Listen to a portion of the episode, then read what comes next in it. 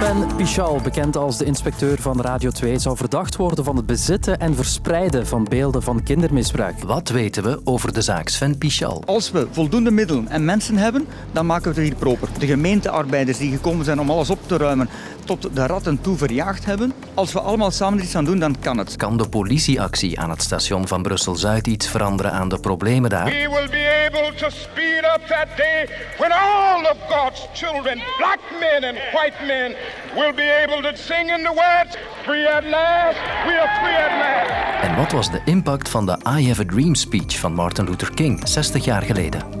Vanaf vandaag zijn we er opnieuw elke werkdag met een nieuwe aflevering van Het Kwartier. Ik ben Lode Roels, welkom. Voor we aan ons eerste onderwerp beginnen, wil ik even meegeven dat het over kindermisbruik zal gaan. Luister je daar liever niet naar, dan kan je vijf minuten vooruitspringen in de podcast naar het volgende onderwerp. En ik zeg dit omdat we het gaan hebben over onze intussen ex-collega Sven Pichal, vooral bekend als de inspecteur van Radio 2. Hij nam dit weekend ontslag om persoonlijke redenen. Niet veel later bleek dat hij in de cel zat. Reden daarvoor een onderzoek naar bezit en verspreiding van beelden van kindermisbruik. En ik zit ondertussen op de redactie met de collega Helen Goedgebeur. Die heeft het allemaal gevolgd. Jij kan ons vertellen wat we op dit ogenblik over die zaak weten. Dat is voor alle duidelijkheid nog niet alles. Wellicht komen we de komende uren en dagen nog wel veel meer te weten. Maar wat weten we nu op dit ogenblik al? Ja, dus wat we zeker weten is dat uh, Sven Pichal donderdagavond door de politie thuis is opgepakt en meegenomen voor verhoor. Hij heeft dus de nacht in een politiecel doorgebracht toen. En vrijdag is hij aangehouden door de onderzoeksrechter in een breed breder onderzoek naar uh, beelden van kindermisbruik.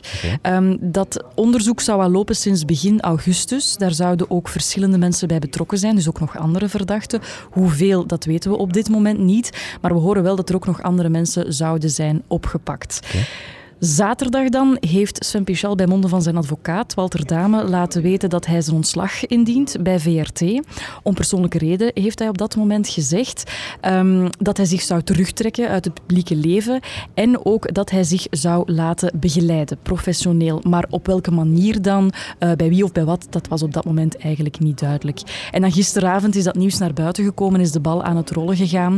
En uh, nu, net op de VRT, rond uh, twee uur deze middag, is er een uh, gestart op de redactievloer van Radio 2. Oké, okay, dat is de stand van zaken nu. Wat gaat er dan de komende dagen ook nog gebeuren? Ja, we horen dat het onderzoek nog volop aan de gang is. Dus mogelijk volgen er nog arrestaties. Dat weten we niet zeker. Um, wat Sven Pichal betreft, hij zal woensdagochtend voor de raadkamer moeten verschijnen. En die gaat dan beslissen of hij nog een maand langer in de cel blijft. Want hij zit momenteel in de gevangenis van Turnhout. Dan wel dat hij vrijkomt. Um, zomaar vrijkomen of natuurlijk met een enkelband. Dat zou ook kunnen. Dat wordt afwachten. Dankjewel, Helen. Ja, ik moet eerlijk zeggen, het is niet makkelijk om als redactie met dit nieuws om te gaan. Want het gaat effectief om iemand die we ook zelf kennen. De verontwaardiging is groot. Mensen zijn in shock, dat merken we ook aan reacties van luisteraars. Maar hoe uitzonderlijk is dit eigenlijk? Ik kon het vragen aan... Heidi de Pauw, ik ben CEO van Child Focus, de stichting voor vermiste en seksueel uitgebuite kinderen. Er is um, terecht veel verontwaardiging omwille van um, ja, het feit dat bij iemand, een bekend iemand dan nog, beelden worden aangetroffen blijkbaar. Ik ben heel voorzichtig in het uh, ja, benoemen van wat er nu precies gebeurd is. Maar het is nu een bekend persoon waardoor dit um, ja, wordt uitgesmeerd en waardoor dit heel veel aandacht krijgt. Maar dit is helaas niet uitzonderlijk. We hebben dagelijks uh, dossiers waarbij uh, beelden uh, worden aangetroffen van mensen, mannen en vrouwen die beelden bekijken, die die bezitten, die die verder verspreiden. Dus dit is zeker geen alleenstaand geval. En ik pleit er dan ook voor om alle voorzichtigheid ja, aan de dag te leggen, omdat het nu een bekend iemand is. Dit maakt het niet erger of minder erg. Dat zijn exact dezelfde feiten. Bij Child Focus kijken we nu ook naar wat er uh, verder gaat gebeuren om te weten wat er nu precies aan de hand is. Ik denk dat dat heel erg belangrijk is dat we voorzichtig zijn. Maar ja, het is nu een bekend persoon, maar het komt uh, vaker voor. En uh, ja, het is zeker geen alleenstaand geval. Child Focus stelt zich vaak burgerlijke partij in dit soort zaken. Heidi de Pauw kan dus ook een algemeen beeld schetsen van waar zulke zaken in ons land vaak over gaan. Wel, wij, wij stellen ons zo'n um, ja, tweetal keer per jaar um, burgerlijke Dat gaat dan over um, ja, dossiers waar uh, toch wel omvangrijk veel beelden zijn aangetroffen, waar de nieuwe technologieën uh, gebruikt worden hè, voor het uh, verspreiden, het, het bezitten van die beelden, het aanmaken van die beelden. Meestal in grote dossiers treffen we grote hoeveelheden beelden aan die al gekend zijn. Maar er zijn al zaken geweest waar bijvoorbeeld 60% van het aangetroffen materiaal nieuw materiaal En dan zitten we heel vaak bij uh, pedoseksuelen die ja, toch verdere stappen hebben gezet in het uitvoeren en heel vaak het zelf misbruiken van kinderen, die daar dan beelden van maken en dan gaan uitwisselen met gelijkaardige pedoseksuelen die dat ook doen. En dan zitten we toch wel ja, bij heel gruwelijke feiten. Mensen die toegang hebben, onmiddellijke toegang hebben tot kinderen, die kinderen ook misbruiken. En dat zijn soms heel zware zaken. En heb je zelf een vraag over geweld, misbruik of kindermishandeling, dan kan je terecht bij de hulplijn 1712. Kinderen en jongeren kunnen ook terecht bij AWEL op het nummer 102 of via de website. Spoor 15, de IC-trein naar Amsterdam Centraal. Van 19 uur 45, spoor 15. Brussel-Zuid, het grootste station van het Belgische spoornet. Internationaal knooppunt ook, met treinen naar alle uithoeken van Europa. Maar het trommelt in Brussel-Zuid. De voorbije weken trokken enkele buurtcomité's en organisaties regelmatig aan de alarmbel over de onveilige situatie in en rond het station openlijk druggebruik, mensen die in en rond het station slapen, diefstal, zwerfvuil, verloedering. De lijst is lang. En afgelopen zomer doken de problemen regelmatig op in het nieuws. Vechtpartijen, druggebruik en vernielingen. De situatie in Brussel-Zuid wordt er echt niet beter op. Je bent altijd angstig je bent op je boede. De NMBS vraagt dringend hulp om de problemen in het Zuidstation in Brussel onder controle te krijgen. Maar la guerre du Midi est devenue un point noir. De criminaliteit in en rond het station van Brussel-Zuid is een pak groter dan in andere stations. Mais je crois que ces personnes sont sous l'effet de la drogue, euh, de l'alcool. Dat is hier een echt pingpongspel gewoonlijk waarbij het altijd de fout is van het andere niveau. En er moet gewoon veel meer samengewerkt worden.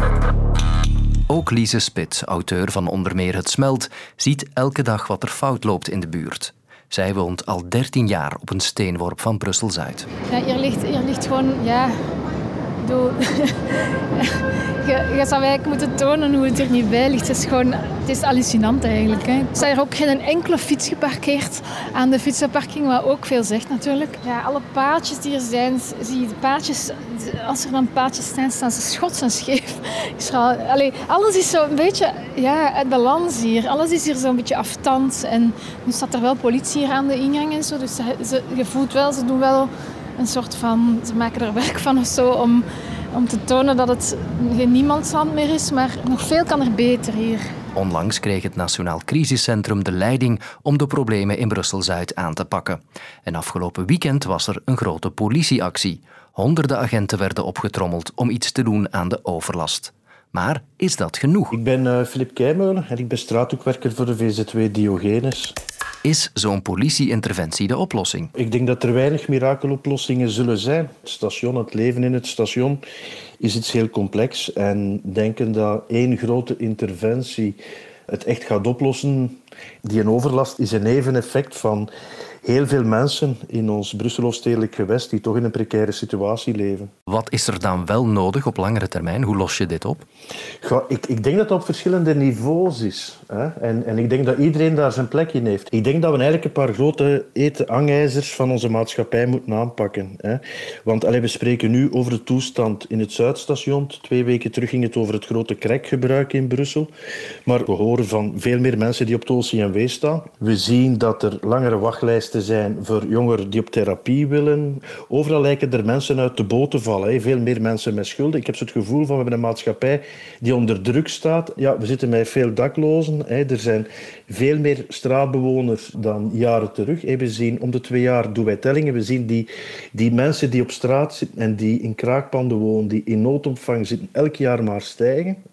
En dat toont toch eigenlijk ook dat er ergens een probleem is met huisvesting. Huisvesting, lost dat dan ook die andere problemen op die we daar zien? Drugsproblemen, sluikstorten ook, eh, verloedering, eh, dat soort zaken. Hangt dat daar dan mee samen? Ik denk dat we een paar dingen niet door elkaar mogen halen. Hè. Ik, ik weet niet of dat het sluikstorten door daklozen komt. Het teruggebruik, ik denk de overlast van het teruggebruik, dat, dat komt door het feit dat de mensen in een precaire situatie zitten. Hè. Er zijn andere wijken, rijkere wijken, in Ukkel, rond de Europese wijk, waar dat, dat publiekelijk druggebruik veel minder aanwezig is. Maar het wil niet zeggen dat daardoor minder druggebruik is. Alleen de overlast is er niet. Dat vraagt dan om een aanpak op verschillende domeinen, gecoördineerd ook. Ehm, is dat er nu niet of is dat er te weinig? Hij is te weinig, hij is te weinig, maar allez, zo lijkt het of er op het terrein niks gebeurt. Ik denk dat er in Brussel heel veel gebeurt voor daklozen en voor druggebruikers. Veel meer dan in andere relatief grote steden zoals Antwerpen en Gent. Het probleem is, hè, het is een grootstad, het trekt ook heel veel volk aan. En het, hetgeen dat er gecreëerd wordt, of hetgeen dat er is, ja, dat is inderdaad ontoereikend. Maar als we niet gaan werken dat, dat die maatschappij anders is georganiseerd en mensen niet uit een boot gaan vallen, ja, dan gaan we kunnen structuren blij uh, creëren. Ik denk dat elk beleidsniveau is goed naar zichzelf gaan moeten kijken van wat doen zij om uitsluiting te voorkomen. I am happy to join with you today in what will go down in history as the greatest demonstration for freedom in the history of our nation. 60 jaar geleden, op 28 augustus 1963, stond hij voor het Lincoln Memorial in Washington, D.C. en sprak hij deze bekende woorden uit. I have a dream. Martin Luther King, daarover heb ik het, de man met een droom. Zijn speech maakte deel uit van een protestmars waarmee de Amerikaanse burgerrechtenbeweging meer arbeidsplaatsen, vrijheid en gelijkheid wou. En dan in het bijzonder voor Afro-Amerikanen. 60 jaar later zijn we intussen en iedereen kent nog altijd de woorden van King. Of dan toch tenminste die ene zin. Want de hele toespraak duurde in totaal zo'n 17 minuten. En deze man kent ook de rest van de tekst erg goed. Ik ben Pieter Vermeulen. Ik doseer Amerikaanse literatuur en cultuur aan de Universiteit van Leuven, waar ik de speech van Martin Luther King elk jaar aan mijn studenten laat lezen. Sweltering with the heat of oppression will be transformed into an oasis of freedom and justice. I have a dream. Op zich is natuurlijk niet vanzelfsprekend dat uh, zo'n oude speech nog zoveel weerklank vindt, maar het was al meteen nadat die speech uitgesproken was dat die zin die redelijk aan het einde van de speech komt, daar een paar keer herhaald wordt, die eigenlijk grotendeels geïmproviseerd was door Martin Luther King, eigenlijk meteen heel populair geworden is. De voornaamste verklaring is denk ik dat het een heel optimistische, heel toekomstgerichte zin is, die, hoewel het uitgesproken is op een heel moeilijk moment in de Amerikaanse geschiedenis, toch uitkijkt naar een toekomst waarin het verschil tussen zwart en wit zal weggevaagd worden. En de rest van de speech, het grootste deel van de speech, het voorbereide deel van de speech, is daar een stuk wranger en een stuk minder optimistisch over. No, we are not satisfied and we will not be satisfied until justice rolls down like waters and righteousness like a mighty stream.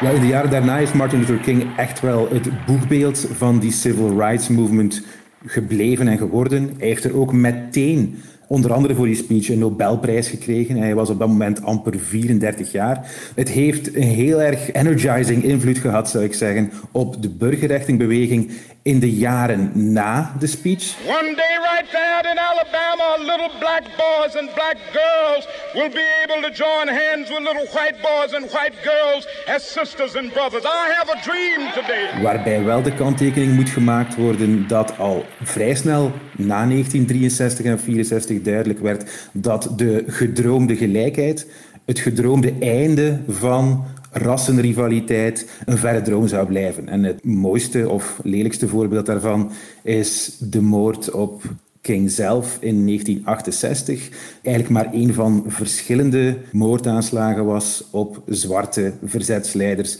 Dus de invloed was zeer reëel. Het leidde tot een moment van optimisme dat helaas al na twee, drie jaar omsloeg in een veel pessimistischer klimaat in de rassenrelaties. I have a dream. Het is een citaat dat je nog altijd in de populaire cultuur terugvindt. Het is ook heel aangenaam om mensen dromen te zien hebben. Maar wat je toch moet zeggen is dat in eh, de zwarte verzetsbeweging zoals ze vandaag in Amerika bestaat, dat die boodschap van een droom van een betere toekomst toch een zeer bitterzoete smaak gekregen is. Het is niet echt meteen een heel activistische zin, het is een idealistische, hoopvolle zin. En als we nu kijken waar de rasrelaties in de Verenigde Staten 60 jaar later staan, dan is dat optimisme ook zien we nu toch grotendeels naïef of op zijn minst voorbarig gebleven. Dus dat dit misschien een iets te optimistische manier is om naar de ruwe werkelijkheid te kijken.